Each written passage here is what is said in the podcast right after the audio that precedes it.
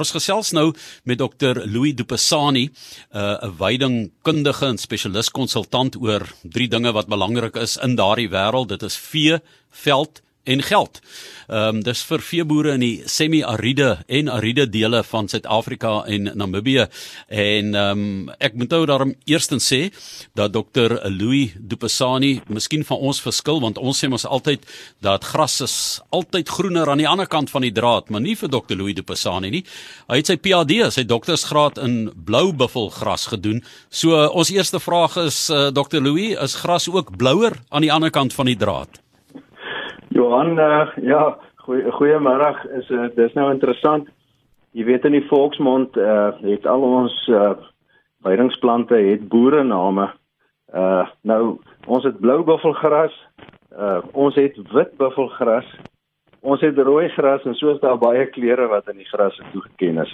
Jong, ja, die uh, die gras is nie altyd groener aan ander kant die draad nie. Hy's baie keer blou of wit of rooi. Uh ja, ek het my uh my doktorsgraad op uh, Bloubuffel gedoen.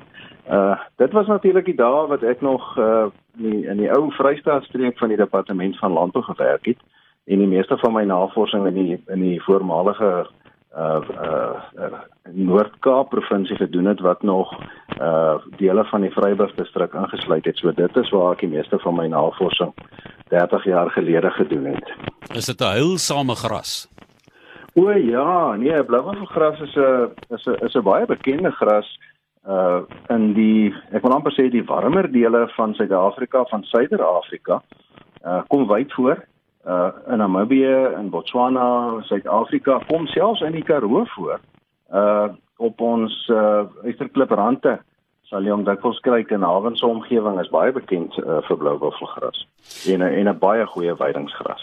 Kom ons gesels juis oor die uh, Karoo. Daar's baie mense wat in hierdie tye van die Karoo Kaminoes gebruik maak wandelroetes, staproetes. Hulle voel veilig, dis ver, skoon lug. Uh, hulle is in tipe van mini bio borrels wanneer hulle nou uh jy weet dalk 'n blaaskansie kan neem. So uh, vertel vir ons 'n bietjie as mense in die Karoo gaan stap of daar's ook mense wat gaan jag, as mense wat gaan vakansie hou daar soos ek gesê het. Ehm um, hoe hoe lees 'n mens die veld want dit is tog 'n 'n sintuiglike ervaring om die veld te ervaar. Johan, ek ek kan dit nie beter gestel het nie. Dit is regtig 'n sintuiglike ervaring. Kyk, wanneer die mense van Johannesburg af uh, Kaapstad toe ry en deur die Groot Karoo ry, uh en jy vra vir hulle wat het jy gesien, dan sê hulle jong niks. Uh dis net 'n uh, groot oop wêreld waar daar eintlik niks aangaan nie en en weet jy wat? In die Karoo het jy tyd nodig. Uh jy jy jy het nodig uh om jou oë oop te maak. Nou daar's 'n spesifieke manier om te kyk in die Karoo, jy weet. As 'n mens gaan jag in die Karoo, uh dan is jy altyd jou oë op die horison gefestig.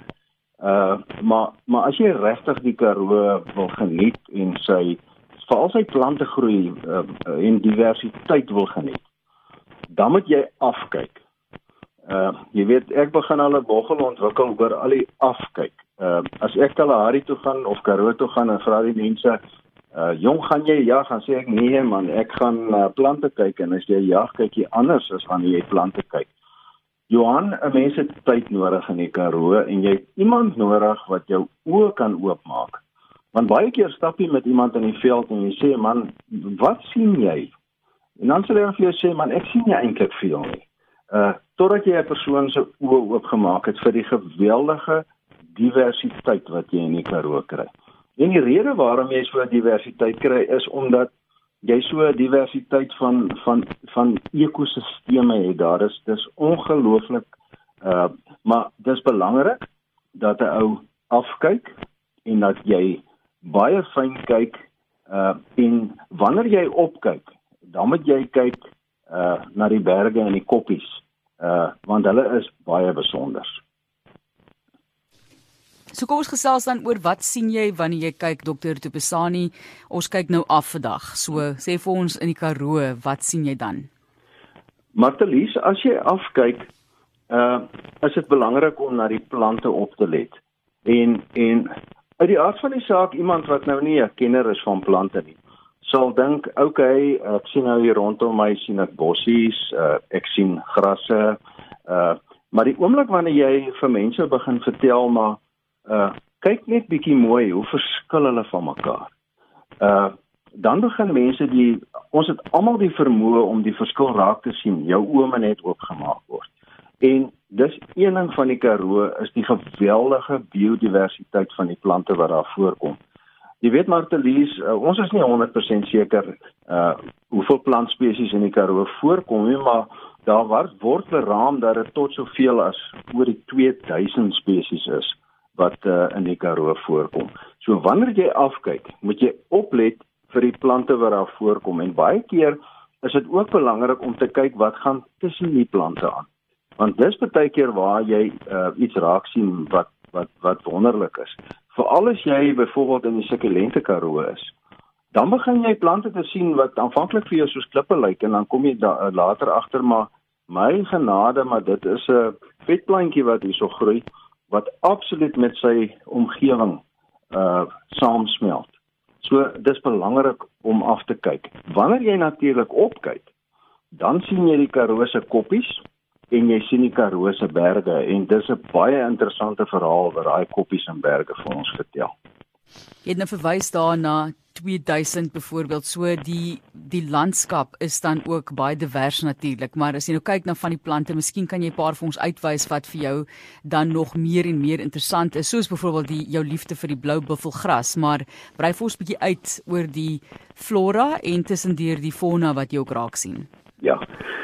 Martelies uh, kom ons gesels oor die plante want dis my liefde uh, dis my opleiding.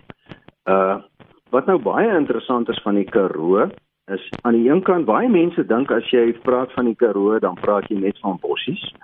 Uh wat nie wat nie so is nie. Uh daar uh daar's 'n groot verskeidenheid van vetplantsoorte. Uh jy kry bossies, jy kry bome en struike, groot verskeidenheid van hulle en dan natuurlik grasse. So dis 'n dis 'n dis 'n 'n 'n versameling van lewensvorme, maar wat ek graag vir jou wil noem is hoe interessant die boere name is. Uh en elkeen van hierdie name as jy die naam vir 'n vir 'n persoon sê en hom en hom verduidelik waarom hy daai naam het, dan prikkel jy mense om te sien o my genade, maar hier's 'n groot verskeidenheid. Kom ek noem gou-gou vir jou 'n paar interessante uh bossie name. Kogelmandervoet Karoo. Daggapit Karoo. Muistepel Karoo. Kapokbos jy weet baie interessante name.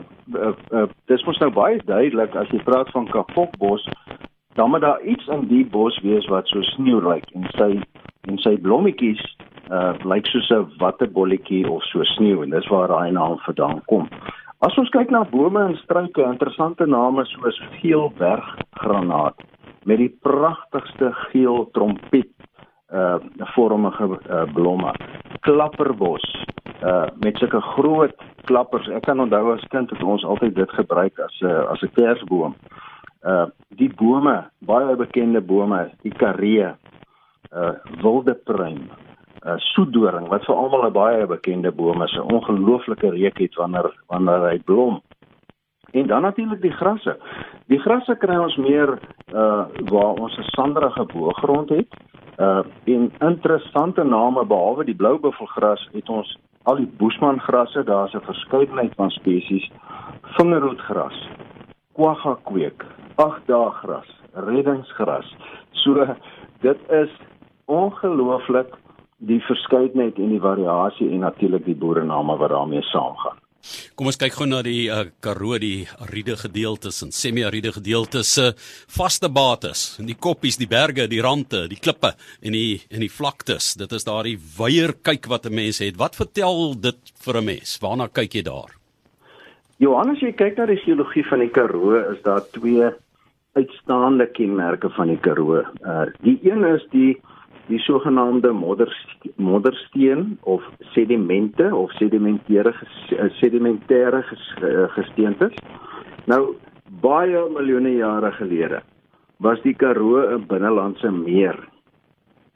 En soos wat dit jaarliks gereën het, het hierdie meer vol water geraak. Maar nou uh en soos die water in die meer staan, uh het hy die sedimente wat hy afgevoer het uh saam met die water, die grond wat in die water afgevoer is, het hy dan neergesit uh op hierdie meer se vloer.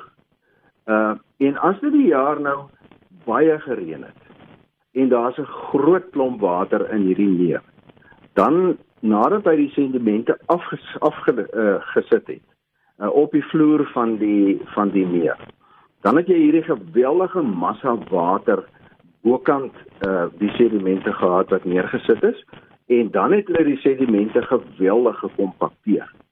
In droër jare uh het daar minder sedimente ingekom, maar daar's ook 'n 'n kleiner massa water wat nou bo op die sedimente lê en as dit minder gekompakteer. Nou mense wat deur die Karoo ry en veral waar daar uitgrawings langs die paaie is uh om om om die pad deur 'n berg te maak, uh sal dadelik agterkom hulle sien hierdie lae sediment wat so in die berg lê. Uh al die plat berge in die Karoo is van sedimentêre oorsprong. En selfs daar kan jy sien dik lae rots en dan ewe skielik sien jy maar nou is die rots nie so so gekompakteer nie. En dit is 'n wonderlike geskiedenis van uh miljoene jare oor die droë en die nat periodes wat daai tyd al in die Karoo voorgekom het. So in die nat jare het jy hierdie dik laag baie gekompakteerde rots gesien. Uh en in die droër jare is hy baie minder gekompakteer. So dis 'n heeltemal 'n geskiedenis van die Karoo se klimaat. En dan natuurlik baie jare later, na hierdie moddergesteentes, uh het die sogenaamde doleriete gekom uh wat natuurlik uh vulkaniese aktiwiteit is. Uh in die in die volksmond staan die doleriete bekend as ysterklip en dis waar hierdie klipperige randjies van die Karoo vandaan kom met hierdie pragtige ysterklip. Uh en ek weet van boere wat uh wat uh, hierdie ysterklip geneem het en dan klom baie mooi gepoleer en dan as grafstene gebruik. So uh jy kry aan die een kant hierdie hierdie sedimentêre gesteentes wat hierdie pragtige afsettings het wat jy kan sien uh die droë en die nat periodes en dan nou hierdie uh, uh doleriet randjies wat jy oral in die Karoo sien. Ek het ehm um, dis dokter Louis Du Passani met wie ek gesels uh, so ruk gelede met Julian Tron wat 'n uh, met springbokke boer daar naby Richmond gesels en Pieter Pinaar hulle daar ehm um, wat vir my gesê dis op die oomblik nog baie baie droog daar. Nou As jy 'n besoeker is wat begeesterd raak met die Karoo, net so ten slotte ons het so 'n minuut oor en jy wil nou 'n Karoo boer word. Wat is die regte stuk aarde wat jy moet aankoop of of bewerk? Hoe weet jy dit? sien jy dit in die koppie, sien jy dit in die vlakte of ehm um, in plaas van in die stad sê hulle altyd adres, adres, adres, gaan dit vir my daaroor water, water, water. Uh Johannes, jy grondkoop in die Karoo mee te boer. Uh is daar twee kleure wat verskriklik belangrik is. Die grond moet rooi wees en die plante moet grys wees. Daar is uitsonderings op die reël, maar jou grys plante is gewoonlik jou meer smaaklike, meer produktiewe plante, meer aanvaarbaar vir diere. Jou rooi grond is jou gronde wat uiters produktief is wat natuurlik van doloritiese oorsprong is kort en kragtig. Daar is 'n uh, goeie aanduiding as jy dalk 'n beleggingkie in die Karoo wil maak, maar as jy net daar gaan rondstap, geniet daai veld, die vlaktes, die uitgestrektheid, die berge, die rande, die koppies en dit wat onder jou voete ook is. Dit was Dr. Louis Du Passani, 'n spesialis konsultant oor vee, veld en geld.